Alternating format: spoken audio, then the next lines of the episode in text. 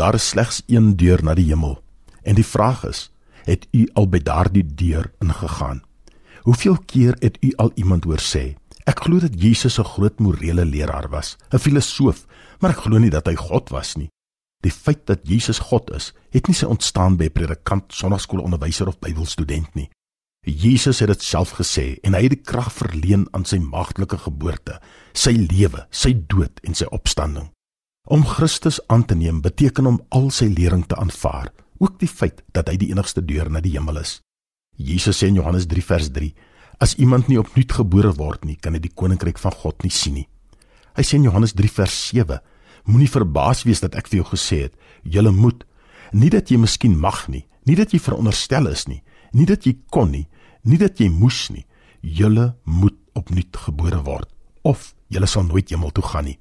Daar is slegs een deur en daardie deur is die persoon van Jesus Christus en al manier waarop mense in die hemel kan kom is deur die ondervinding wat Jesus die nuwe geboorte noem. En dit is baie interessant wat Jesus gesê het. En hy sê in Johannes 3 vers 7 aan Nikodemus: Moenie verbaas wees dat ek vir jou gesê het jy moet opnuut gebore word nie. En dan raak hulle daar in vers 8 in 'n gesprek betrokke oor hierdie ondervinding wat soos die wind is. Mens weet nie waar dit vandaan kom en waarheen dit op pad is nie. Met ander woorde, mens kan nie werklik die nuwe geboorte waarneem nie.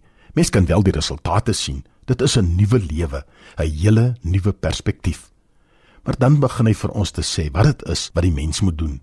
As dit 'n nuwe geboorteondervinding is en God doen alles vir ons, wat is ons verantwoordelikheid? Jesus het slegs een doel voor oë.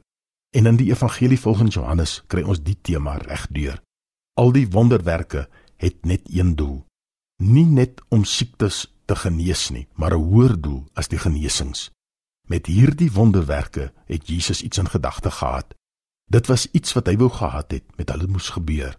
Blaai saam met my na Johannes 3 vers 14. Moses het die slang in die woestyn hoog op 'n paal gesit. So moet die seun van die mens verhoog word, sodat elkeen wat in hom glo, die ewige lewe kan hê. En die ewige lewe is lewe wat nooit ophou nie. En dit is die gawe aan hulle wat opnuut gebore is. Vader, dankie dat ek die ewige lewe kan hê deur dit wat Jesus Christus namens my aan die kruis gedoen het. Amen.